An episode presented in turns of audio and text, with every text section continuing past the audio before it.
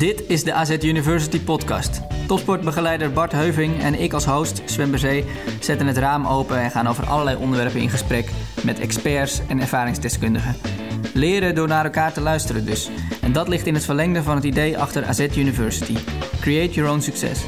Wij geloven in groei en ontwikkeling, ongeacht leeftijd en ervaring.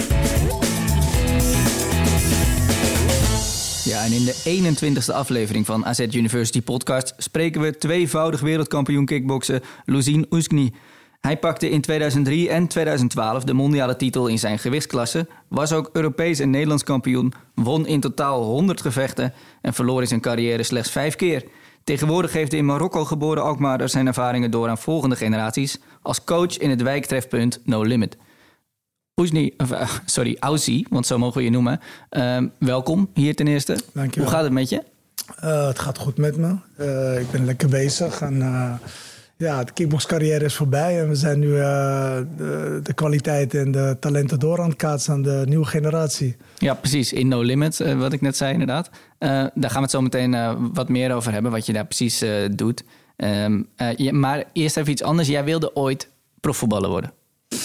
Uh, ja, ik denk dat elk kind die uh, jong is, uh, jongetje of meisje, ja, word je toch opgegroeid met een bal. En ja, dat is toch de eerste sport waar je mee bijna eigenlijk altijd mee in aanmerking komt. En ja, wat, hoe mooi is het om een profvoetballer te worden als je een kleine kind bent. Ik bedoel, dat wilt elke kind, denk ik.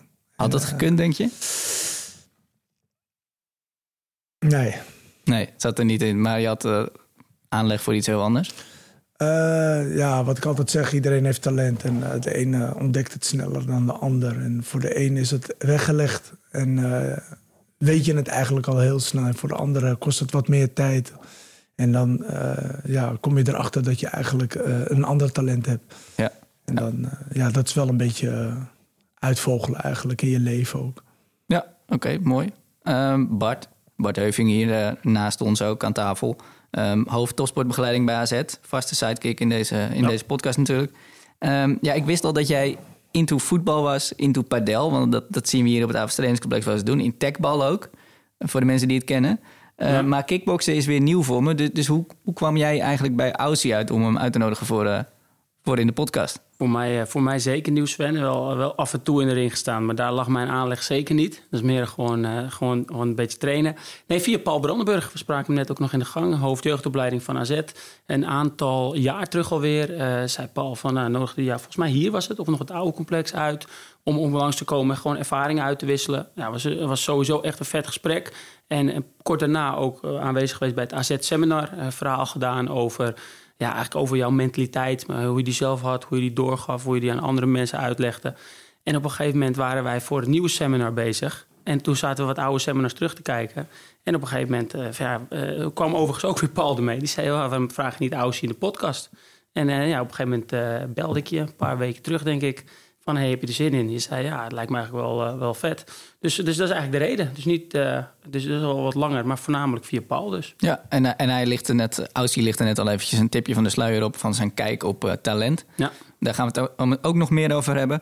Um, ja, nog een, nog een keer, nog even iets anders. we hebben jou gevraagd, voordat we naar, echt naar het hoofdonderwerp gaan hier zo. we hebben jou gevraagd om een quote mee te nemen. Um, maar jij hebt gekozen voor niet een quote echt, maar meer een inspiratiebron, hè? Ja, ja, ik, uh, ja, quotes, je kan je in heel veel quotes vinden, maar ik vind gewoon dat je ook uh, iets uh, moet hebben waar je eigenlijk, waar je echt mee bent geconfronteerd. Dus eigenlijk ook echt in je loopbaan, waar je echt tegenaan bent gelopen ook in je leven. Zowel goede als slechte dingen. Zeg maar tegenvallers en ja, meevallers. Dat hoort ook bij topsport. En ja, ik heb gekozen voor mijn, voor mijn hoofdtrainer die overleden is. Maar uh, waar ik eigenlijk uh, alles uit heb kunnen halen. Eigenlijk. Die man heeft mij... Uh, Hans Nijman hebben we ja, het over, hè? Hans Nijman. Ja. Mr. Lex. Ja, waarom, waarom was hij zo belangrijk voor jou? Ik denk als hij er niet was geweest... dat ik deze, dat ik deze loopbaan niet had voltooid. Wat, op, op wat, maakt, wat maakt hem zo'n bijzondere coach? ja, hij trok je gewoon door. Hij trok je gewoon door in... in ja, het was geen grens, eigenlijk grens was eigenlijk elke dag opnieuw. Dus het was geen uh, protocolverhaal van uh, morgen sta ik er weer en uh, morgen doe ik weer wat ik moet doen. Nee, man. Het is weer een uitdaging. Ja, en dat heeft jou zowel gevormd ook destijds als kickbokser, Zeker. maar nu ook als, als coach? Zeker, zeker. Ik heb veel meegenomen van hem. En eh, ik heb veel geleerd van hem. Dat geef ik nu ook eh, aan de jongens mee. Alleen ja, ik, ik heb er nog een, eh, een kleine tip van de sluier van mij erbij gegeven. Want ik heb het ervaren bij hem. En de fouten die ik had gemaakt bij hem, daar corrigeerde hij me mee. Maar die bespaar ik met nieuwe jongens nu. Dus die fouten die ik toen maakte, of de excuses die ik toen zocht, die bespaar ik hun. En die, daar komen ze ook niet meer onderuit. Ja, precies. Terecht lijkt me toch, Bart? Dat ze daar niet onderuit komen. Nou, zeker terecht. En wat ik ook heel mooi vind, want we vroegen inderdaad de quote. Eh, Ik had Aussie gisteren aan de lijn. Toen zei hij, nee, nee, ik ga me trainer noemen. En wat, wat ik mooi vind, is ook bepaalde dankbaarheid daaruit. Eh, kort daarvoor hadden we het eh, over de quote die bij jullie hangt in de gym. Eh, Ja. Ik ben een paar keer, ik denk twee of drie keer geweest. Nou ja, eh, een paar spelers, we komen zo later op vaker. Maar er hangt een hele vette quote. En ik zei op een gegeven moment, hey, die hebben we nu ook hier opgehangen. Ik zei, dus, dus thanks voor die quote, echt gruwelijk. Ik zei Aussie, nee, nee, is niet mijn quote. Ik geloof er wel echt in. Dus juist ook dat je leert van anderen. Ja, dat vind ik heel mooi, hoe u dat zegt. Ja, ja. Over eh, quotes gesproken van, eh van jouzelf, eh Aussie in dit geval. Ehm, jij hebt wel eens gezegd, ik geloof dat iedereen een talent heeft. En volgens mij zei je het min of meer ook Ja. al- net eigenlijk al aan het begin van de podcast. En je moet het alleen wel vinden en afdwingen. Ja. De- dus dus hoe, hoe vond jij jouw talent als jonge, jonge Aussie? Ja, zoals ik al zei, als, als kleine jongen, dan eh, begin je eh, ja, gewoon lekker te voetballen met de jongens in de straat. Werk je lekker eh, op het pleintje. En daar begint, ont daar begint ontwikkeling en talent eigenlijk al. Hè? Dus op straat een beetje... ja, In Alkmaar, hè? Onder andere, het gaat niet alleen om Alkmaar. Het gaat, ik, ik praat echt in het algemeen over jongeren, weet je. Oh ja. Jongens of meisjes. Mhm. Ze beginnen allemaal op straat en een beetje voetballen. En, en daar begint het eigenlijk allemaal al, weet je wel. Dus eh, ja, eh, op een gegeven moment ga je naar een voetbalclub, ga je voetballen. Nou, begin je een beetje leuk te voetballen bij Alkmaarse Boys.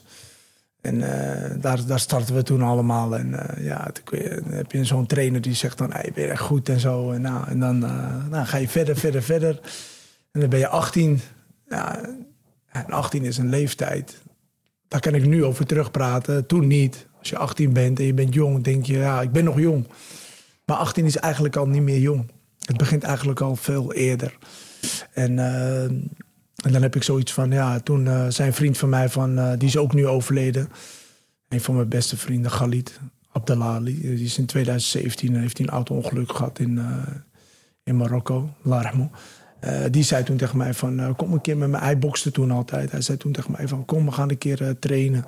En toen ben ik eigenlijk meegegaan. En toen, ja, dat, zoals ik toen al zei, van, ja, toen heb ik mijn, hand, mijn, mijn kicks opzij gelegd en mijn handschoenen gepakt. Ik heb ze nooit meer uitgedaan tot de dag van vandaag.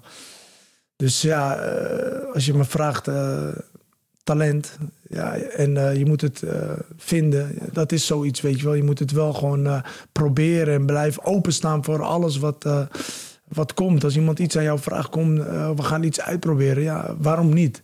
Ja, het kwam, het, je? kwam, het kwam ook op je pad. Ja, het Dus komt op je pad, zeker, zeker, zeker. Het En, je- op en je hebt dat gewoon en, eh, aangegrepen. Zeker weten. En eh, toen, ja, zoals ik al zei, toen had ik mijn handschoenen aangedaan. ja, de eerste vijf jaar heb ik, ben ik onverslagen geweest. Ja, ja, precies. Dus je had eigenlijk vrij snel door ook dat je goed was. Ja, ik, ik had er aanleg voor. Ja, want je ging op je zeventiende denk ik kickboksen. Ja, bijna 18. En eh, ja, toen, toen startte. Maar ja, dat was eigenlijk al een beetje. te- als ik nu daarop terugkrijg, was het een beetje laat. Kijk, als ik dat al eerder had ont, eh, als ik dat al eerder had eh, uitgevonden, dat dat mij lag, dan was ik al op eer, eh, eerdere leeftijd begonnen aan zo'n sport. Ja, Maar ja, je, je komt er op je zeventiende achter en je doet. En alsnog heb je eruit gehaald, eh, het Ja. maximale eruit gehaald. ja, ja er had nog veel meer in gezeten, eigenlijk. Ja, wa- wanneer, besefte je dan eigenlijk van dit kan wel echt heel serieus gaan worden? Ja, zoals ik al zei, mijn eerste vijf jaar won ik al mijn wedstrijden. En eh, toen eh, begonnen wel mensen tegen mij te zeggen van... Hey, eh, jij kan wel vechten, man. Ja. Wat, En, wa- wa- waar zagen ze dat aan dan? Ja, mijn je- record. Ik verloor niks. Ik won alles. En waar kwam dat door? Was dat je verbetenheid? Of? Ja, ik, kijk, ik was in, mijn, mijn begintijd dat ik net ging trainen... trainde ik in een lokale sportschool in Alkmaar.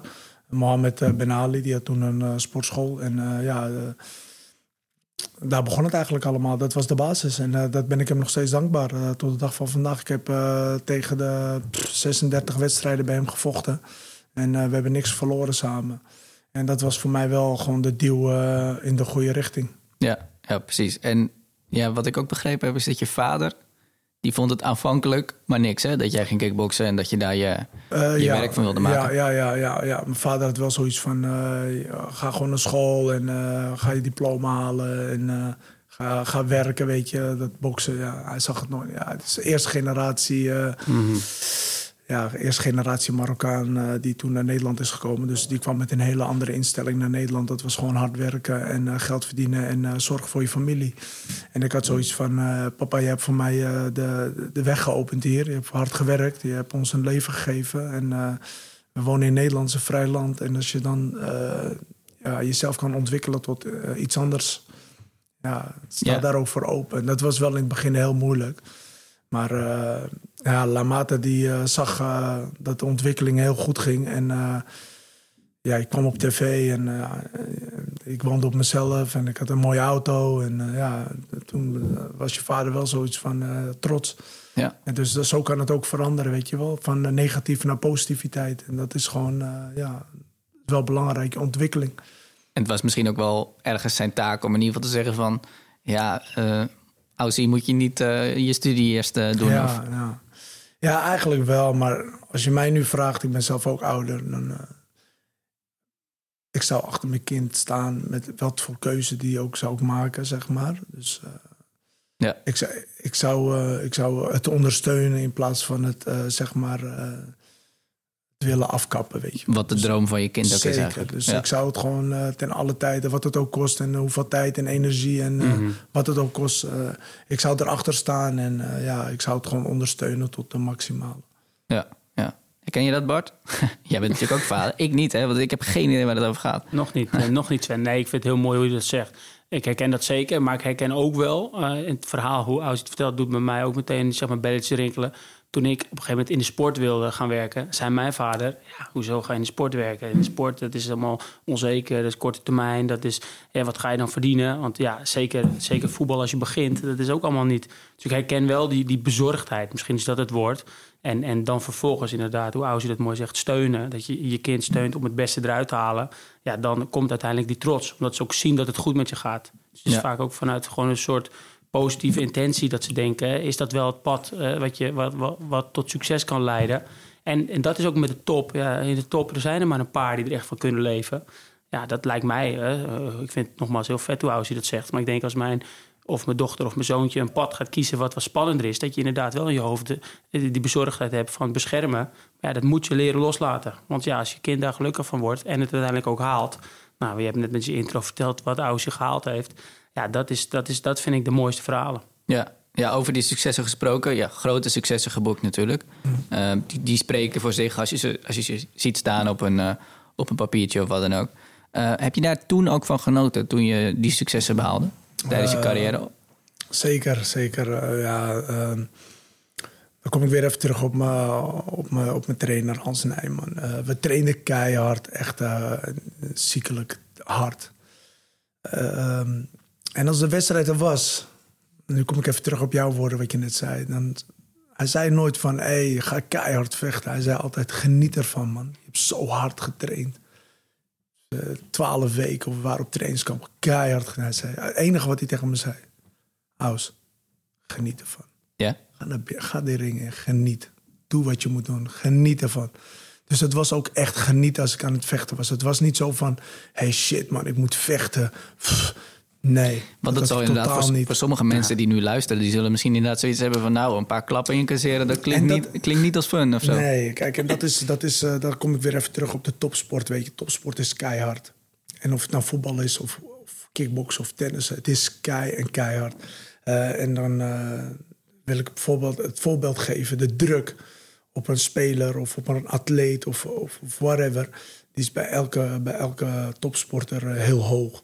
En eh, dat is juist het verschil. Kijk, als jij een wedstrijd moet vechten of voetballen. En je denkt, hé, hey, morgen moet ik tegen Ajax of morgen moet ik tegen de wereldkampioen. En, en jij bent de uitdager. Ik was over het algemeen, eh, moest ik tegen wereldkampioenen. Dus ik was niet de wereldkampioen en eh, er werd tegen mij gevochten.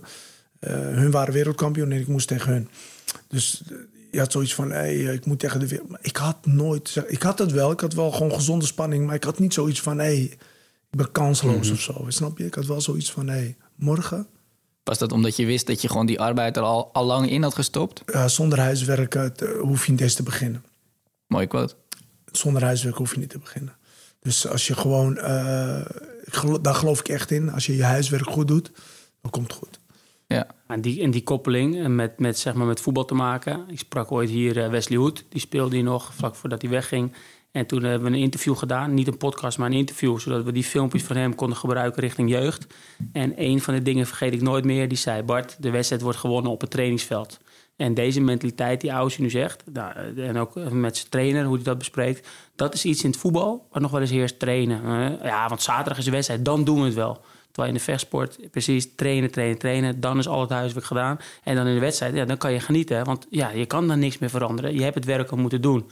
Maar die mentaliteit, en ik zeg niet dat het in het voetbal super slecht is, begrijp me niet verkeerd.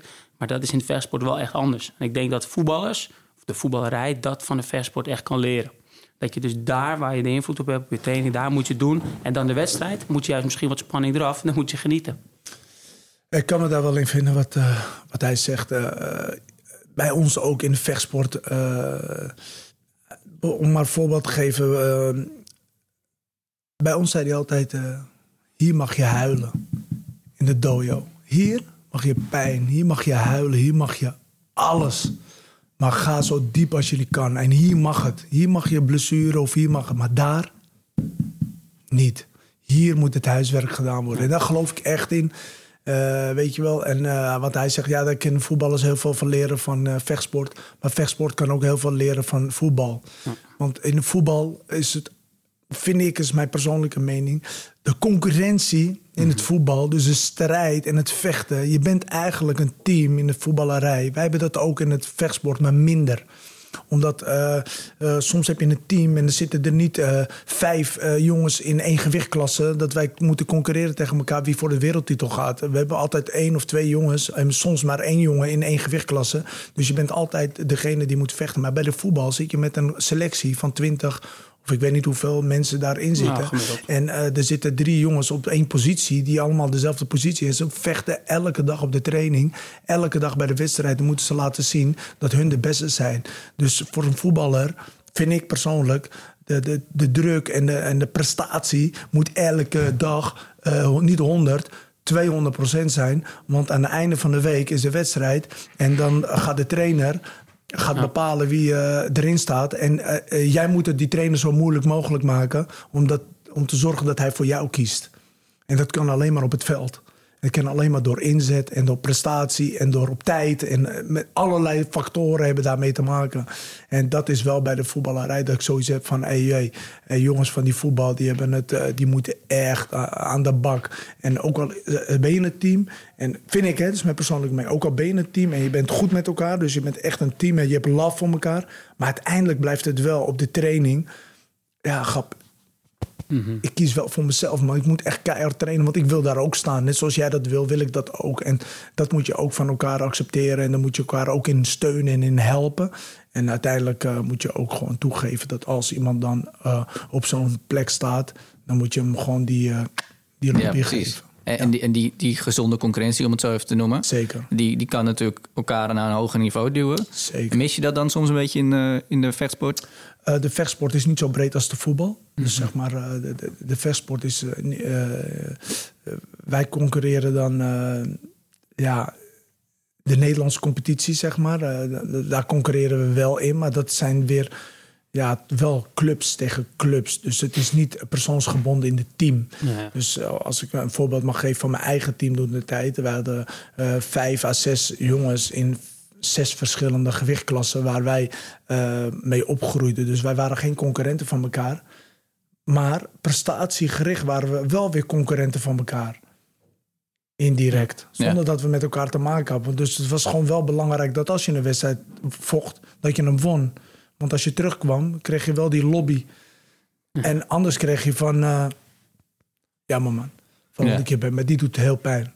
Ja, schouderklopje van... Uh... Ja, die doet pijn. Ja. Die doet heel pijn. En dat, die doet niet alleen pijn bij, bij mij. Die doet... Ik zag aan mijn trainer altijd. Mm -hmm. die, die, die, die had daar heel veel moeite mee. Ja. Die was ook een slechte verliezer. Die kon niet tegen verlies. Maar wel... Uh, als je beter was, had hij wel zoiets van ik geef toe. Dus hij, hij, hij doet er echt alles voor. Alles voor. Hij gelooft me alles. Dan praat ik over alles voor. Om jou te trainen. Om te winnen van een ander. En als een ander won. Daar heeft hij maar twee keer bij mij aan toegegeven. Dat iemand beter was dan mij.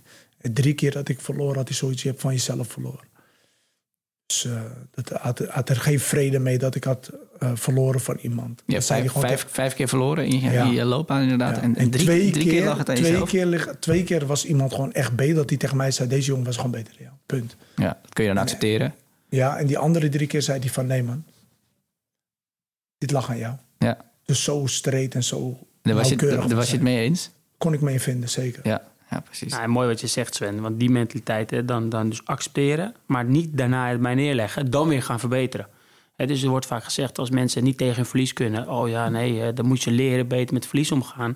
Nee, als je niet tegen je verlies kan, dat is ook een bepaalde kracht. Als je maar niet daarna bent neerlegt, oh ik heb verloren, ik kan het niet, ik ben niet goed. Nee, accepteer op dat moment dat je verloren hebt, dat die ander beter is. En wat ga jij weer doen om te verbeteren? En, en die balans, dus, dus niet, niet uh, het is voor fun, winnen maakt niet uit. Nee, het maakt wel degelijk uit. Alleen als je wint of als je verliest, leg je niet bij de, manier en denk het is klaar. Nee, dan ga je weer terug naar de tekentafel, dan ga je weer analyseren.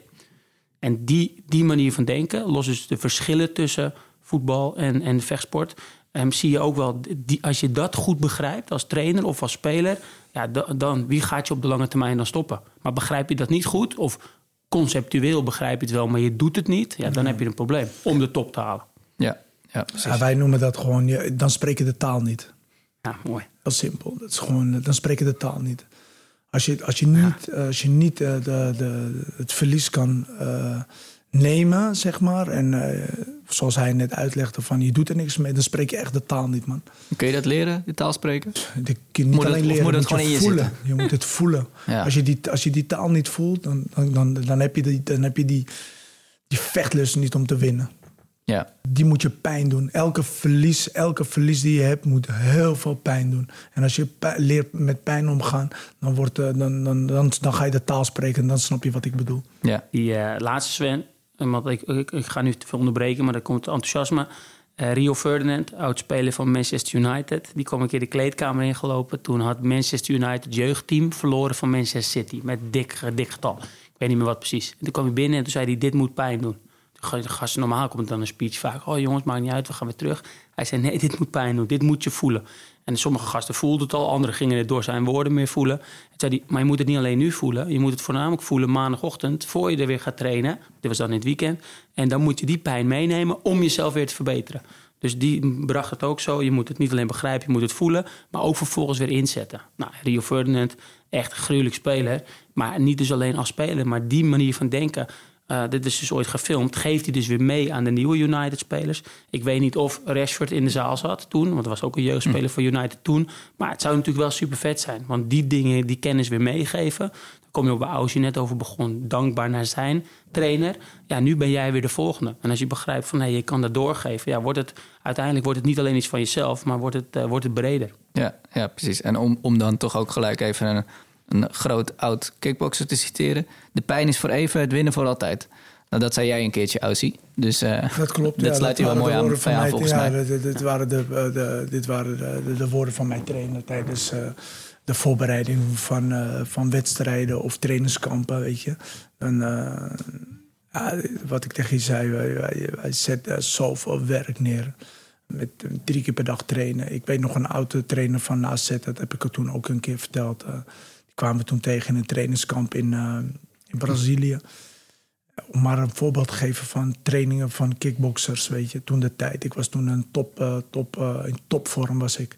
En ik was op trainingskamp in Natal en ik kwam... hoe heet die trainer nou ook weer? Een voetbaltrainer? Ja, van AZ. Hij was van het eerste, man. Gertjan Verbeek? Nee. Die was wel boksen. Louis van Gaal kwam je tegen. Nee, nee, nee. nee. Uh, AGOVV was hij trainer oh, van. John van der Brom. John van der Brom. Hij was daar met AGOVV en hij was daar aan het trainen. En kwamen, mijn trainer kwam hem tegen, ze kenden elkaar niet op het, uh, op het terras. En hij zegt, kan Aussie morgen met jullie de looptraining invoeren? Hij zegt, ja, we zijn al drie weken bezig en we zitten in een topvorm. En hij zegt, nee, ik wil alleen dat hij met jullie meeloopt. Hij is niet van, van, van hij zal jullie niet ten last staan. Hij loopt alleen maar één keer mee. Hij zei, nou, als je me wil meelopen, s ochtends vroeg 7 uur. Om 7 uur stond ik daar. Ik loop, eerste keer loop ik mee om even het rondje te kennen, want ik kende het rondje niet. De rest van de week had ik me, ik liep ze het gekhuis in. Ik kwam terug, hij zei tegen mij, waar zijn die jongens? ik kwam gewoon 2,5 minuut kwam ik eerder binnen dan de eerste. Dus, eh, toen wist ik gewoon van, als deze jongens in vorm zijn... en ik ben geen eens een voetballer, ik ben geen eh, loper... we doen het meer voor het, ja, het kickboksen, maar ja, looptraining hoort daar ook bij. Maar ik liep, ik, liep, ik liep echt heel goed, weet je. En toen had ik zoiets van, nee, ja, ik ben wel fit, man. Ik, wat snap je, soms moet je met anderen meten om te weten waar je Maar, bent. maar, maar toen had je niet zoiets van, eh, die voetballers, dat zijn, eh, dat zijn een stel slap, slappelingen. Ehm, ik vind wel dat zij, eh, dat voetballers nog meer, eh, dat, ze, dat, ze, dat ze pijn ook af en toe mogen proeven. En daarom zegt hij, zei mijn trainer ook altijd, pijn is voor even en win is voor altijd. En dat bedoelt hij gewoon mee van als je helemaal kapot bent. Hij zei ook altijd tegen de trainer, tijdens de training, maar je mag me nu haten. En als we na de training zijn we weer matties, zijn we weer vrienden. En dat is het ook gewoon. Als een trainer tegen jou bepaalde dingen zegt en bepaalde oefeningen die jij niet leuk vindt. Hij zegt dat niet omdat hij een hekel aan jou heeft. Hij zegt dat alleen maar om jou veel beter te maken en sterker te maken. Daarom zei hij ook, hij ook altijd, en dat, dat, is, dat is iets van, voor iedereen ook, eh, we winnen samen. Je wint niet alleen. Als jij wint, ik win ook. Als jij verliest, ik verlies ook. Dus ja, ja, iedereen gaat tegen jou zeggen, ja maar man, volgende keer, eh, broer, eh, sport toch. Hij krijgt hem ook. Andere trainers gaan tegen hem zeggen, ja maar man, volgende keer toch. Maar hij zei, die doet pijn. Hij zei, die wil ik niet. Dat, dat, dat zorgt ervoor dat, dat je ook voor hem door het vuur wil gaan dan. Je moet voor elkaar voor het vuur gaan, want je wint samen. Ja. En eh, geloof me, eh, ik, ik, ik, ik heb dat meegemaakt. En ik heb dat ook gezien, ook bij anderen. Ik heb bij andere ik heb bij Mike Gym getraind. Ik heb, ik heb overal... Ik ben eh, op trainingskampen naar Thailand geweest, naar Brazilië, naar Zuid-Amerika, andere Aruba, Curaçao ben ik geweest. Eh, ik heb veel gezien, ik heb veel meegemaakt en ik weet hoe, hoe diep wij zijn gegaan met mijn trainer. En ik weet hoe diep mensen op andere sportscholen gegaan zijn. En die diepgang heb ik nog nooit bij een sportschool gezien dan bij Hans Nijman. En dat kon je ook zien in de ontwikkeling van Hans Nijman toen de tijd dat hij trainer was van mij. Dat op een gegeven moment begon. eh, ik was zeg maar eh, mijn team, wij en andere jongens van de school. Die toen in ontwikkeling waren naar eh, wereldkampioenen te worden en de beste van de wereld te worden. Zag je de groei ook in het trainerschap van Hans. Dat is ook mooi, want mensen kijken alleen naar ontwikkeling van spelers. Maar ontwikkeling van trainer is ook heel belangrijk. Dus als jij ooit een trainer hebt gehad en zo'n trainer groeit, dat betekent dat die trainer een hele goede trainer is. Anders kan het niet dat die man groeit. Want als hij van eh AZ naar Ajax en eh, naar, naar eh, Manchester United gaat en naar grote clubs, dan kan het niet zo zijn dat die man een slechte trainer was. En zo ging het ook in mij. En daarom geloofde ik ook echt in die man. Hij geloofde in mij, ik geloofde in hem. En samen gingen we voor elkaar. En op een gegeven moment zag ik mijn trainer. Het kwamen andere vechters van andere sportscholen, grote jongens, bij hem trainen. Ja. Ja. Hoe kan dat? Dat betekent dus dat die man gewoon een hele goede trainer aan het worden was en al was eigenlijk. En daarom geloofde ik er ook in. ja, precies. Ja, Lo- mooi. loopt, loopt die eigenlijk een type Hans Nijman eh, rond, eh, Bart? Ehm, nou ja, het is altijd lastig om te zeggen, maar ik denk niet, niet nog niet, nog niet op dat niveau. Maar waar waar ik meteen moest denken is, in, eh, wat ik echt mooi vind, hoe als je dat zegt. Er wordt vaak naar ontwikkeling van sporters gekeken, maar weinig naar trainers. Ja, herken ik heel erg. Het- Van spelers verwachten we dat je heel veel dingen ontwikkelt en doet. En bij trainen natuurlijk zijn ook wel cursussen. Je kan een boek lezen, je kan dit. Maar, maar ja, er wordt veel meer aandacht aan besteed. Terwijl, hoe je dat net omschrijft, moet ik aan Erik ten Hag denken. Die, die, die echt zich als trainer enorm ontwikkeld heeft. Nou, wat doen we dan vaak in Nederland? Als hij net een keer een interview geeft en dat hij een beetje gek Engels praat... dan gaan we dat belachelijk maken. Louis van Gaal een beetje hetzelfde. Die is ook echt opgeklommen van voetbal. Van, van, nou, die woont dan in Amsterdam-Oost. Eh, opgroeien, opgroeien van gymleraar, dit, dit, dit, trainen, trainen. Uiteindelijk is het ook een, echt een trainer die, die heeft zich heeft ontwikkeld. Nou, wat, wat zijn gewoon letterlijk mensen rondom de WK toen Nederland verloor... die zagen, eh, ik vind die Louis van Gaal dit en dit. Dat ik echt denk, ja, kijk, kijk naar die hele ontwikkeling van sporters... maar zeker ook naar trainers. Ja, ja. En, ik denk dat ze het wel zijn, Sven, om, om antwoord op jouw vraag te geven... maar nog niet op dat niveau. Dus er valt ook nog wel wat te ontwikkelen. Maar Ja. dat is ook wel een hele, een hele grote naam. Dus als hij hier al rondliep, dan... eh, ja, dat zou... eh, Precies. Ja. En, en je zei het al, je kunt een boek lezen, zei je net. Dus laat ik hem er maar gelijk ingooien, Bart's boekenkast. Bart's boekenkast. Ja, Bart's boekenkast, Aussie. Ehm, ja, je hebt een boek niet bij je, maar je wilde wel een boek eh, tippen, geloof ik. Hè? Ja, ik heb, eh, ik heb Daar jou om inderdaad, gevraagd, eh, tenminste. Ja. Ja, ik heb ooit eh, de boek eh, De Alchemist gelezen. Daar was ik van echt onder de indruk. Gewoon in de zin van... eh, maar dat, zo sta ik ook in het leven. En dat kon ik, herkende ik ook echt in die boek. Want wat is het voor, voor boek en van wie is het? Eh, het is van Pablo... eh. Coolho. Ongeveer. ja, Pablo Spreek het Coelho. niet goed uit, maar Paolo Coelho, ja, zoiets. lekker Sven. Ja hoor, hij kent het. En ehm, ja, ik kon me wel vinden in die boek, omdat daar geloof ik ook echt in, weet je. Het leven is destiny. Ik geloof echt in destiny, dus zeg maar dat dat lot bepaalt voor jou gewoon. En, eh, maar je moet er wel zelf ook alles aan doen om daar gewoon uit te halen. En niemand weet jouw weg. En, eh, dat- En, en met het lot bepaald bedoel je bijvoorbeeld van, om een voorbeeld te noemen, voor jou kwam het kickbox op je pad. ja, En vanaf dat moment is het aan jou om daar iets van te maken. zo is het. En eh, wat doe je ermee? Dit is voor jou. Wat ga jij eraan doen? Dit, dit kan jij. En wil jij dit? Wat heb je ervoor over? Hoe diep ga jij? En eh, het is aan jou wat je ermee doet. Heel simpel. Het is voor je weggelegd. Ja, ken jij het boek, eh, Bart? Ik heb hem eh, nou, te lang geleden, geleden alweer gelezen. Maar inderdaad, dat stuk, wat er ook gebeurt. ehm, eh, accepteer het lot, maar ook weer neem dan je verantwoordelijkheid om je te ontwikkelen. En wat ik vet aan dat boek vond, is dat wordt het beschreven vanuit, ik weet even de naam niet meer van, van die jongen die je dan volgt. Maar, dat, maar constant wordt zijn verhaal beschreven. En dan wordt eigenlijk subtiel een soort vraag gesteld, waardoor je terwijl je het leest denkt: hé, hey, hoe doe ik dat eigenlijk? Ja. En dat maakt je wordt echt- ermee geconfronteerd. Precies, dat, doet ze, dat doen ze echt. eh, het, is het is echt wel een verhaal. Alleen je wordt er wel mee geconfronteerd. Dus je hebt er ook wat aan. En dat vind ik dat het boek, boek echt uniek maakt. Je hebt soms leuke verhalen waar je zelf eigenlijk niks aan hebt. Dat lees je en denk je, ja, oké. Je hebt soms studieboeken waar je heel veel aan de inhoud hebt. Maar dan moet je flink doorheen ploegen. En dit boek zit er eigenlijk een beetje tussenin. Het is een verhaal, maar je hebt er ook wat aan. Ja, dus, dus, dus ik, vond, ik, ik heb het echt lang geleden gelezen, maar toen echt top. Maar ik denk dat ik hem nu weer uit de boekenkast haal, Sven. Ja, ja, precies. Dus het is geen nieuwe aanvulling, maar wel Het goed om een- weer eventjes op te frissen. Ja, dus. en hij is nog geen één keer voorgekomen, maar het is wel echt een klassieker. Qua, ja, het is, het is, er zit gewoon heel veel in dat men, wauw, als je het nu ook mooi zegt, ja, je, je kan er wat aan hebben. Ja. Dus, dus nee, eh, het is, eh, ik, ik, eh, ik hoef hem niet te kopen, maar ik ben er wel blij mee. Misschien moet ik hem zelf ook maar gaan lezen dan, dit boek. Hij is een aanrader. Ja, oké. Nou, dank je voor je tip sowieso. Ehm, ja, hoe groot is de rol van jouw achtergrond? Daar, daar wil, daar wil ik het even kort over hebben. Want jouw jeugd en in een groot gezin in de wijk Overdie in Alkmaar... eh, met, met acht kinderen, geloof ik. Ja. Ehm, jullie hadden het niet heel breed. Eh, heeft dat je voor een deel ook gevormd? Dat je, uit die, dat je die achtergrond hebt, zeg maar? Eh, ja, tuurlijk. Je, je, je woont in een flat met drie kamers, met acht kinderen. Vader hard werken, moeder ja, zorgt voor de kinderen. Was op mijn zeventiende al uit huis. Ik was best wel jong al uh, uit huis gegaan. Omdat ik zoiets had van, ja... Ik wou gewoon ontwikkelen, snap je? En, uh, en nu kom ik terug op, uh, ja... Ook het sport weer. Want dat word je weer geconfronteerd ook met je gezin en met jouw... Je moet als topsporter, vind ik persoonlijk, je moet de, de honger kennen. De honger van de sport. En de honger betekent, als je maag vol is, word je laks. Als je maag vol is, uh, als je, en dat, dat is heel breed wat ik nu zeg. Uh, als je gretig bent en je bent gierig en je hebt honger om dat ene te halen wat je wil, dan ben je veel, ja, dan ben je veel, veel gemotiveerder. Elke dag nog meer gemotiveerd om te presteren dan als je maag vol is. Ja. Uh, en dat, ik ken ook mensen die een maag vol hebben die nog steeds gierig zijn en nog steeds hongerig zijn. Geloof ik ook in. Maar dat is echt uniek. Ja. Ik vind wel dat als je de honger hebt, dat je, dat je gewoon dat je nog meer gemotiveerd bent om, om prestaties te halen. Ja, precies.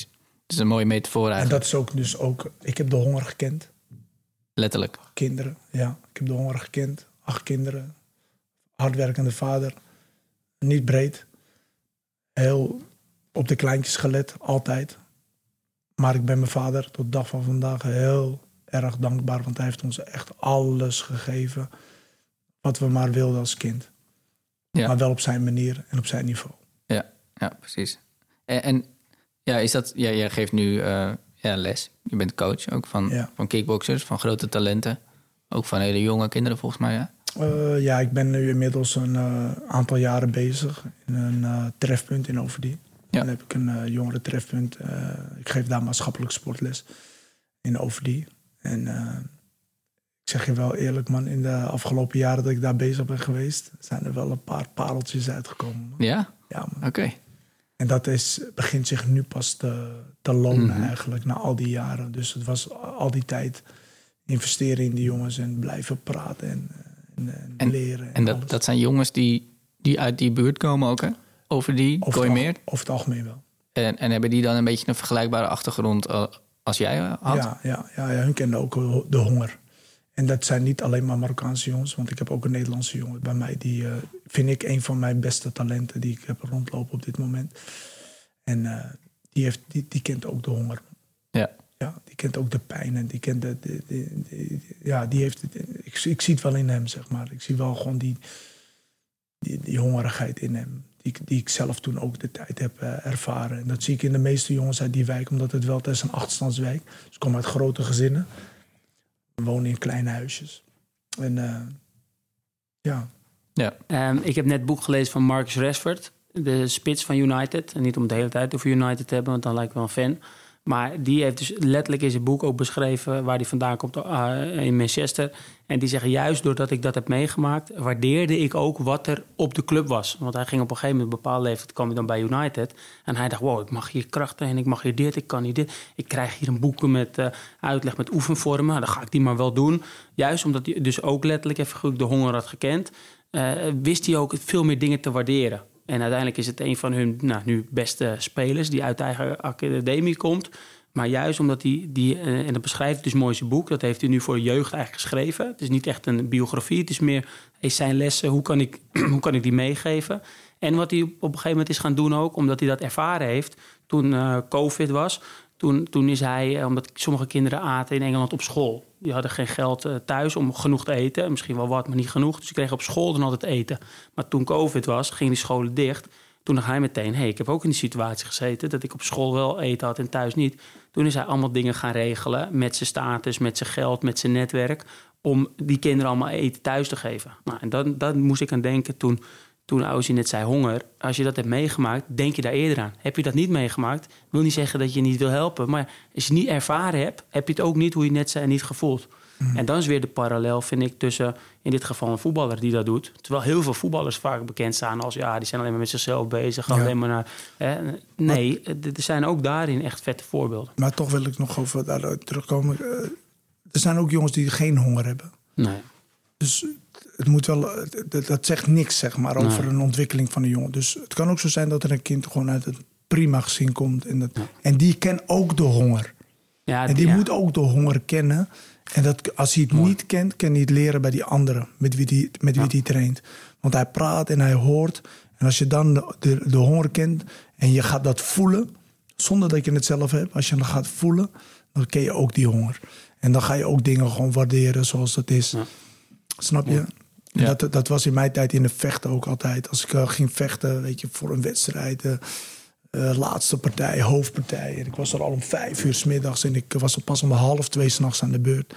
En ik moest daar zijn vanwege de doktercheck. En ik zit daar oh, En ik wou eten en, en ik wou drinken. En hij zei maar tegen mij: Nee, niet te veel eten.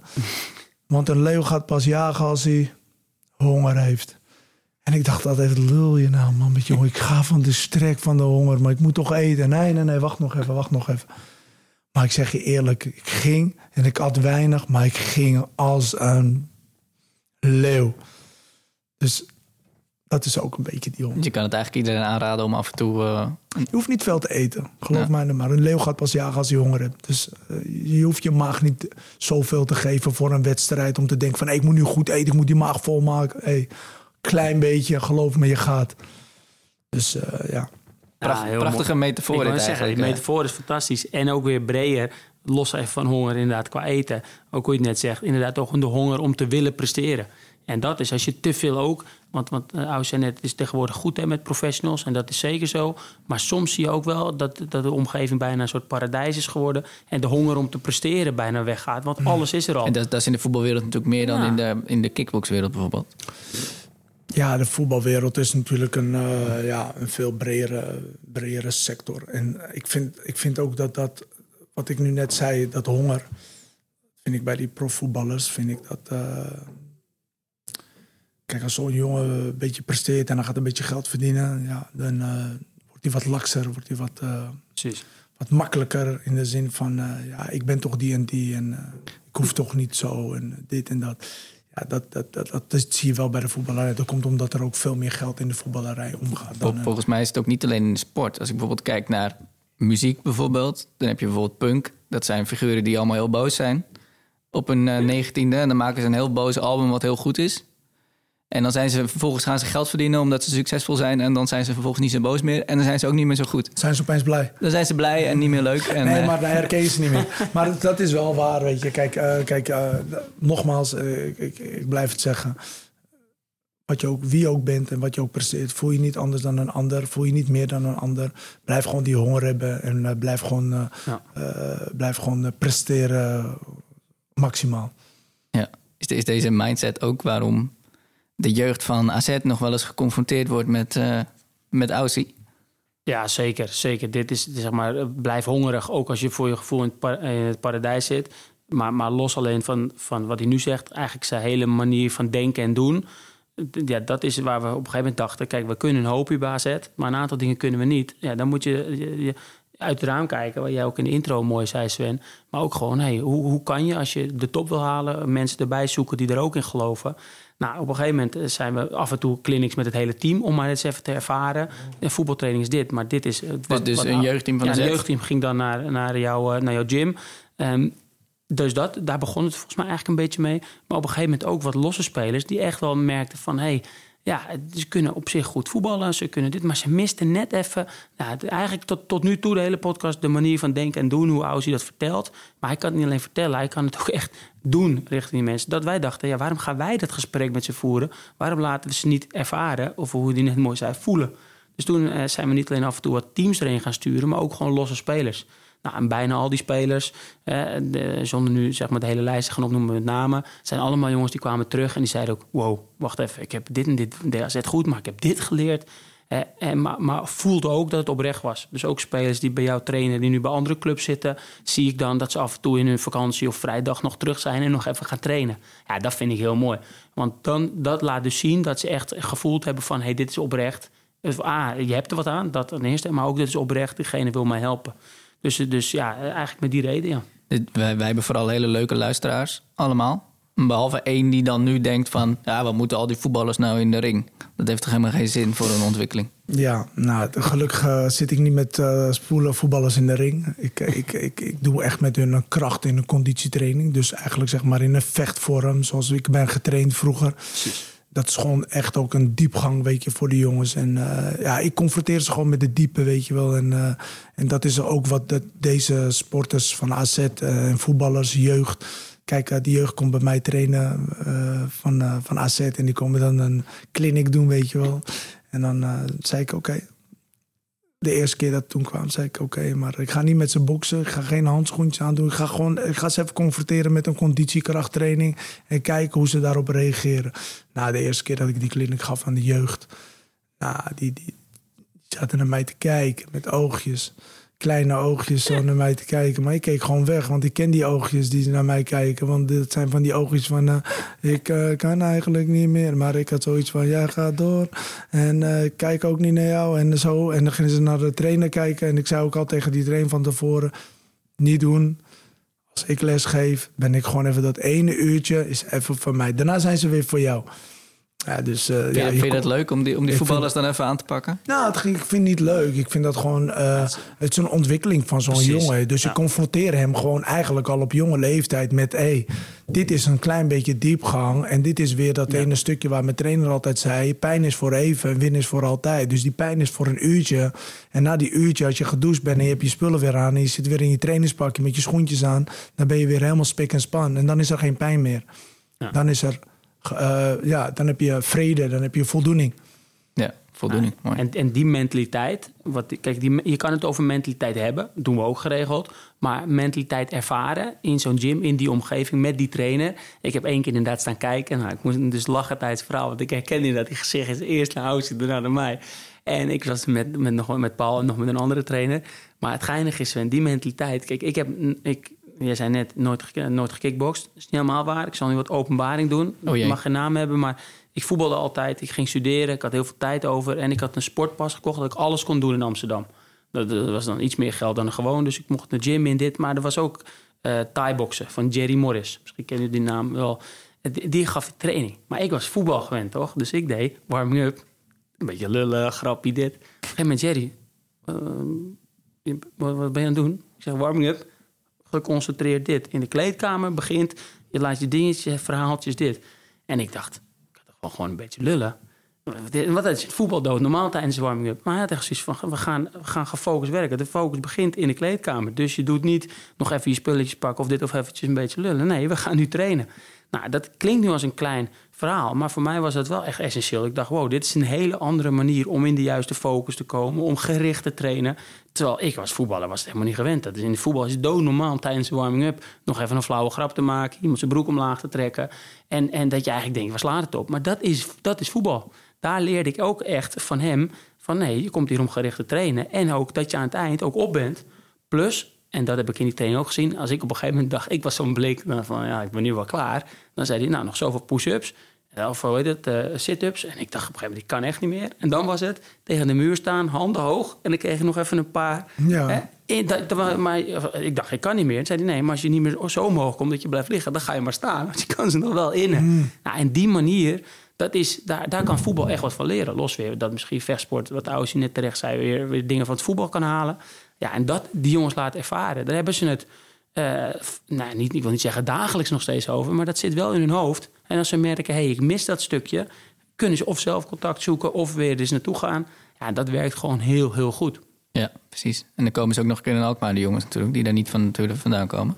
Dus, uh, een, een extra voordeel. Ja, precies. Voor de link met Alkmaar. Uh, en als je het over hongerige leeuwen hebt, slaat dan Ibrahimovic natuurlijk. Um, ja, jij zei het volgens mij, Bart, van tevoren, van dat hij ook kickbokst. Uh, officieel taekwondo. Maar, taekwondo. Ja, ik vind het zijn verhaal heel vet. Hij, hij, ik weet niet eens waarom, maar hij komt uit Reuzengaard, een wijk in Malmö. Hij is dat gaan doen, blijven doen. Waarschijnlijk zullen honderden voetbaltrainers hebben gezegd... dat moet je niet doen, dat is gevaarlijk als je dit raakt of dit. Die zagen allemaal de beperking. Hij is het toch blijven doen, zoals je Slaat dan kent. Maar uiteindelijk heeft hij er superveel aan gehad. A, zijn mentaliteit, nou, waar het net over heeft. Als jij bij Slaat dan in de warming-up gek doet... geeft hij gewoon een trap. Zo van, hé hey, gast, we gaan trainen. Want we gaan nu trainen, want in de wedstrijd wil ik winnen. Dus, dus dat doet hij. Plus, hij heeft unieke goals. Nou ja, Sven zoekt er maar een paar op. Maar dat komt omdat hij zijn skills, die de meeste voetballers niet hebben... met, met zeg maar lossende heupen hoog kunnen raken. Hij kan unieke dingen doen, omdat hij altijd heeft getaekwondo'd. Maar, maar het eerste reactie, wat je net mooi zei... niet alleen van mensen erbuiten, maar van anderen is... Mag dat wel? Uh, dit is toch voetbal? Uh, wat is het gevaar? Mensen gaan kijken naar het gevaar van vechtsporten. Terwijl de, dus, dus de, de, de, de skills, de mentaliteit. Je kan er superveel, uh, wat mij betreft, maar, maar niet alleen wat mij, wat AZ betreft, superveel aan hebben. Ja, ja precies. En, Daar ben ik ook wel mee eens wat, uh, wat jij zegt. Maar uh, ze zijn natuurlijk heel voorzichtig met bepaalde spelers, omdat het ook consequenties kan hebben voor bepaalde blessures. En, ja. uh, en terecht. Maar ik vind mhm. wel de manier hoe op je getraind wordt. Dus het is, uh, kickboksen is een contactsport. Je komt in contact met elkaar. En als ik kijk hoe, hoe Ibrahimovic traint, ik ben ook, ja, ik kijk ook wel gewoon naar Ibrahimovic, wat hij, wat hij doet. Ik vind het echt een topatleet en topsporter, 100%. En nog steeds hongerig. En nog steeds heel hongerig. Snap je? Dus maar die jongen traint wel uh, uh, uh, beperkt, zeg maar. Dus hij mhm. doet zijn skills en hij doet zijn vechten, taekwondo dingen, maar hij doet geen contactsport, zeg maar. Hij, hij gaat mhm. niet met iemand even staan mat of zo. Dat, dat doet hij niet. Maar hij doet wel gewoon de acties en de trainingen van, van, van, van vechtsport. Dat doet hij gewoon. En, en, en, je ziet gewoon in zijn motoriek en in zijn ontwikkeling qua voetbalspeler dat hij zich onderscheidt van heel veel andere spelers. En dan kun je wel zeggen van ja, maar het is Ibrahimovic. Maar wat doet Ibrahimovic ervoor? En dat is wel iets wat jou gewoon wel uh, uh, kan onderscheiden van de rest. En ik geloof daar ook niet. Ik hou niet van schapengedrag, daar ben ik nooit mee opgegroeid. Uh, ik hou niet van de kudde. Dus zeg maar, waar als iedereen linksaf gaat, dat wil niet zeggen dat ik dat ook doe. Je hebt liever, je hebt liever die leeuw die die kudde opvreet gewoon nogmaals, uh, ik ben niet van de kudde. Ik hou van mensen die zich kunnen onderscheiden van de rest. En ik geloof ook dat iedereen zich kan onderscheiden van de rest. Het gaat er alleen om, wat doe jij ervoor? En hoe ver wil jij gaan met, uh, met, met, met jouw ontwikkeling? Ja, ja precies. Mooi. En, en ja, ik wil toch nog even confronteren met een, iets wat jij ook gezegd hebt. Um, aanleg alleen is niet genoeg om de top te bereiken. Nou, volgens mij komt dat in deze hele podcast ook naar voren uit wat jij vertelt uh, van jouw kijk op, op sport, topsport, um, talent. Um, en om ook nog even jou te citeren: echt talent is je eigen aanleg combineren met veel discipline en de wil om altijd te willen leren. Talent is niet alleen iets van nature goed kunnen, maar ook ermee kunnen omgaan en de absolute drive hebben om verwachtingen waar te maken. En volgens mij is dat in een notendop wel wat jouw visie is op uh, zeker, Zeker, zeker. Dus ja, je moet wel een doel hebben. En het doel is gewoon voor, uh, voor mij dan wereldkampioen worden in mijn, in mijn, in mijn, in mijn, uh, in mijn sport. In mijn vechtsport was het, ja, het hoogste wat je kon halen was wereldkampioen worden. En dat was wel op een gegeven moment de doelstellingen die ik had. En als je doelen hebt, ja, dan ga je plannen maken. En als je plannen gaat maken, dan ga je, ja, dan ga je alles aan doen om dat uh, te behalen. En dat geldt voor voetbal ook. Uh, voor de jongens uh, die hier op hun 11-jarige leeftijd in ontwikkeling zijn. ja, die jongens willen Champions League winnen. Dat zou het doel moeten zijn. En die de WK willen winnen. En dat zijn doelstellingen waar je nu al mee bezig moet zijn. En dat zijn niet doelstellingen die je straks moet hebben als je in het eerste zit. Daar moet je nu al mee bezig zijn. Daar moet je nu al aan denken. Daar moet je nu al aan ja, visualiseren. Je moet, er, eh, je moet het dromen. Je moet het eh, al. Uh, ja, en zo ga je die kant op. En zo, dat is het begin. Dat is het begin van ontwikkeling. En ik geloof daarin. Ja. Want ik heb het zelf meegemaakt. Ja, precies. En het maakt niet uit welke sport je Maakt niet uit. Maakt niet uit welke sport. Zoals ik al zei, elke sport heeft zijn discipline. En we kunnen, uh, je moet altijd openstaan om te leren. Je moet nooit denken dat je uitgeleerd bent of dat je de beste bent. Ondanks dat je wereldkampioen bent, ondanks dat je de Champions League hebt gewonnen, wil niet zeggen dat je hem volgend jaar win wint. Nee, precies. Behalve als je bij Real Madrid speelt. Maar uh, dan win je hem bijna altijd de laatste jaren. Maar... ja, oké. maar... maar dat is ook geen En ook die zijn gefocust op leren. Want als je Ancelotti uh, hoort en ziet, die is ook alleen maar bezig. Juist die spelers weer. Wat ga je nog doen om volgend jaar weer te willen winnen? Ontwikkelen, ontwikkelen, ontwikkelen. En je bent nooit uitontwikkeld. En uh, we vallen continu in herhaling. En dat geldt voor voetballers als vechtsporters. Ik kan erover meepraten. Je komt het voetbalveld op en je moet weer gaan pasen. Je moet weer gaan lange ballen. En je moet als keeper weer gaan springen en gaan redden. En wij doen onze handschoenen aan en we beginnen weer met die links-rechts. En we beginnen toch weer met die lichaamtrappen. En dat doen we dagelijks. En als je normaal gesproken zijn met trainer, uh, zei ik tegen hem van... Uh, links en rechts ken ik nou inmiddels nog wel goed. Maar hij zei, nee, nog steeds niet, man. Ja, bleef, bleef gewoon doorgaan. Je moest blijven herhalen, herhalen, herhalen, herhalen. En dat was het. Eh, je moet gewoon blijven herhalen en dat houdt je scherp. En je moet het gewoon slijpen. Elke dag weer. Nou, en, de, zeg maar deze manier van denken, de mindset, hoe Aussie die nu zegt, dat is dus niet alleen iets wat hij zegt, maar wat hij voelt en wat hij doet. En dat zijn die principes zeg maar, om de top te halen in, in de vechtsport. Is dan niet anders dan de top te halen in het voetbal. Of in welk, wat je dan ook doet. Hè? Misschien denken luisteraars, ik doe heel wat anders. Die principes om je te ontwikkelen en uiteindelijk dus te verbeteren. En hopelijk de top te halen, want dat weet je nooit. En daar kan, kan, kunnen zoveel mensen weer van elkaar leren. Vandaar ook zeg maar, wat ik blij ben dat Aussie er zit om dat verhaal te doen. Ehm, ja, en, en wat ik daaraan wil toevoegen. Ehm, hoe zeg je dat? De, dat spelers daarin raken, dat is wat wij proberen hier bij de club. En dat is soms door uit te leggen, soms door een, een training op het veld, soms door een training, dus niet in de ring, maar wel dan in de gym. Ehm, maar uiteindelijk ook die, die, die iets aanwakkeren bij ze. Als ze dit horen, dat ze misschien denken: hey, dat wil ik ook. Hey, wat ga ik dan doen om dat ook te bereiken? Ja, dus die mate van inspireren. Um, ja, als dat lukt bij mensen en mensen gaan erop aan, ja, dan kunnen er hele vette dingen gebeuren. Probeer dat vuurtje aan te steken eigenlijk. En, en is dat eigenlijk ja, nog één ander ding dan? Even voetballers is het nuttig voor om bij jou bijvoorbeeld een keer te komen trainen, maar zou dat bijvoorbeeld ook kunnen gelden voor een accountant, een docent uh, geschiedenis? Ja, zoals ik al zei, eh, het, het, het, het, commerciële bedrijf is ook ontwikkelen, groeien en eh, de top halen. En die mindset hebben we ook alleen in een andere vorm. En wij hebben dat dan uh, in de fysieke vorm en met in een mentale vorm. En dan kom ik mhm. weer terug op onzekerheden, twijfels.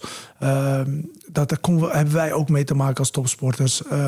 Uh, onzeker, tegenslag, twijfel. Kan ik het wel, kan ik het niet? Waarom niet? Het gaat een keer fout en die fout blijft hangen.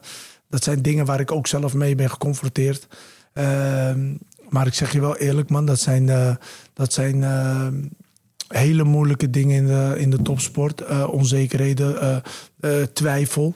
Maar ik geloof wel in, ik, ik geloof wel in zeg maar, vertrouwen hebben. Dus zeg maar vertrouwen hebben. En ook in, in omgeving. Dus ook in jouw mensen. Die, die, die, die openstaan voor jou, voor hulp. Want je hebt altijd mensen nodig. Je kan nooit iets alleen doen. Dus ga niet denken van nee, ik ben onzeker en ik ben twijfel en ik spreek het niet uit praat, weet je. En uh, vooral met de mensen die, die uh, dicht bij jou zijn, zeg maar, die je echt voelt. En die, die, daar moet je echt mee praten en daar moet je ook echt mee. Want ik, om maar een voorbeeld te geven van mij. Ik was een aantal jaren achter elkaar onverslagen. Um, mijn mindset was echt gewoon... Ik was gewoon die leeuw in de jungle. Ben je, dat, nog, ben je dat nog steeds? In mijn hart wel. In mijn hart nog steeds. Ik ben nog steeds die lion, maar... Dat probeer je nu door te geven aan anderen. Nee, ik heb ook leren toegeven. Want toegeven is ook iets heel belangrijks in, het, in, in de topsport en ook op latere leeftijd. Want toegeven, op een gegeven moment heb jij je tijd gehad en heb jij gepresteerd en heb jij gewoon uh, gedaan wat je moet doen. En dan komt er een tijd dat je moet toegeven en plaats moet maken voor een nieuwe generatie. En dat heb ik wel gedaan. Dat heb ik ook gewoon op tijd gedaan. Dus het is niet zo dat ik ben blijven hangen op mijn 40ste, op mijn 45 En ik ga nog steeds zeggen van nee, ik ben nog steeds de wereldkampioen. En ik zal je nog even laten zien dat ik nog steeds die leeuw ben. Maar die leeuw, ja, die, die wordt ook een stukje ouder. Die rent niet meer zo snel als dat hij was. Dat is ook een stukje topsport toegeven. Dat geven heel weinig topsporters geven toe. Accepteren. Accepteren dat het ook. Maar je kan ook ontwikkelen als topspeler. Kun je ook ontwikkelen als coach. Of, maar het hoeft niet te zeggen dat een goede vechter een goede coach wordt. Of een goede voetballer een goede coach. Dat wil niks zeggen. En een goede coach hoeft ook niet een ex-voetballer te zijn of een ex-vechter te zijn.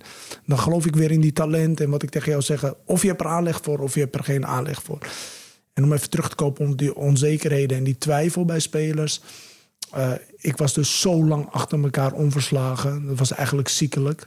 Zeg maar hoe, hoe hoe mijn ontwikkeling uh, ging. Maar totdat ik verloor. Toen werd ik geconfronteerd met verlies. Ja, en toen ging er bij mij, dat vlammetje, die was, heel, die was echt heel aan, maar die was in één keer uit.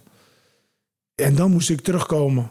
Terwijl eigenlijk zou dat vlammetje misschien wel aangewakkerd moeten zijn. Eigenlijk met de mhm. baan die ik had doorlopen om zo hard te trainen en altijd te winnen. Door één keer een verlies te krijgen, te incasseren, had ik eigenlijk één stap naar achter had ik er vijf naar voren moeten maken. Maar ik maakte er drie naar achter.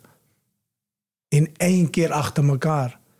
Ik had dat met mijn mindset deed. Ik geloofde er niet meer in. Ik dacht, dit kan niet. Je identificeerde je misschien ook wel als die onverslaanbare. Ja, maar ik verloor één keer. Ik verloor twee keer achter elkaar, maar ik verloor drie keer achter elkaar. En ik bleef erin geloven. Ik dacht, nee man, wel. En toen kreeg ik weer een wereldtitelgevecht. Na mijn drie verliespartijen kreeg ik gewoon wereld, wereldtitelgevecht. Je moet voor een wereldtitel. Bam, en toen won ik hem weer. En toen ging dat vlammetje weer jaren achter elkaar. Totdat ik mijn trainer verloor en toen stopte ik ermee. Nou, dat, ik vind het mooi, een mooi gesprek ook rond nu. Want het begon met de trainer en eindig, eindig je met wat je trainer tegen je zegt. En dat is ook, nou, dat we hoorden niet op de podcast, maar toen, uh, toen Aussie net aankwam. Um, we hebben nu de quote, die hebben we uit zijn gym eigenlijk, nou, ik wil niet, ik wil niet zeggen gestolen, maar die inspireerde ons. Dus die hebben we hier nu ook opgehangen. Surround yourself with those on the same mission as you. Ja, hier dus, op het trainingscomplex hangt die inderdaad. Ja, hangt die. Maar echt puur omdat we hem daar gezien hebben. Uh, jij hebt ook daar uh, leeuwen boven of misschien nog een panter. Maar in ieder geval die, die visual, nou, of, of dat, de, de boodschap achter die quote vind ik heel mooi. Dat, dat zit in het begin dus van de podcast en nu ook in het eind. Natuurlijk, je kan een hoop zelf doen. Je moet ook verantwoordelijkheid nemen. Maar uiteindelijk um, ze, ze sluit je niet af voor de mensen om je heen. Want ze kunnen je met heel veel dingen helpen. En je hebt gewoon die hulp soms nodig. Terwijl wat heerst er ook wel eens in de sportwereld? Ik moet het zelf doen. Je eigenlijk te groot voelen voor hulp. Ja, dat kan je gewoon in de weg zitten. Ja, ja precies. Het gaat je de kop kosten ook soms. Ja, ja. oké. Okay. Hoop wijze lessen in deze podcast, die, die helaas uh, tot een einde komt. Want we zitten aan onze, onze tijd. Um, ja, hartelijk dank voor, jou, uh, voor jouw komst, Aussie, naar het Avonds Trainingscomplex. We gaan je ongetwijfeld vaker zien bij AZ. En, uh, en andersom ga je AZ vaker zien bij jou nog steeds. Um, dus bedankt voor alle, voor alle inspiratie hier. Uh, en veel succes ook met, jou, met jouw meest talentvolle ja, ehm, hoe noem je dat? Studenten of eh, hoe je het ook eh, wil noemen. Mijn leerlingen. Je leerlingen, ja, we hebben volgende maand, eh, wel leuk om te vertellen, we hebben volgende maand een hele groot evenement in Alkmaar Infusion. Die, die gaat, mijn jongens gaan daar vechten en die zijn inmiddels nu allemaal prof. Dus ja, gruwelijke ontwikkeling. Ik zou zeggen, kom kijken. En. Oké, nou hartelijk bedankt Aussie. En nou ja, Bart en, en mij hoor je over een tijdje weer met de volgende podcast. En bedankt voor het luisteren. Tot de volgende keer.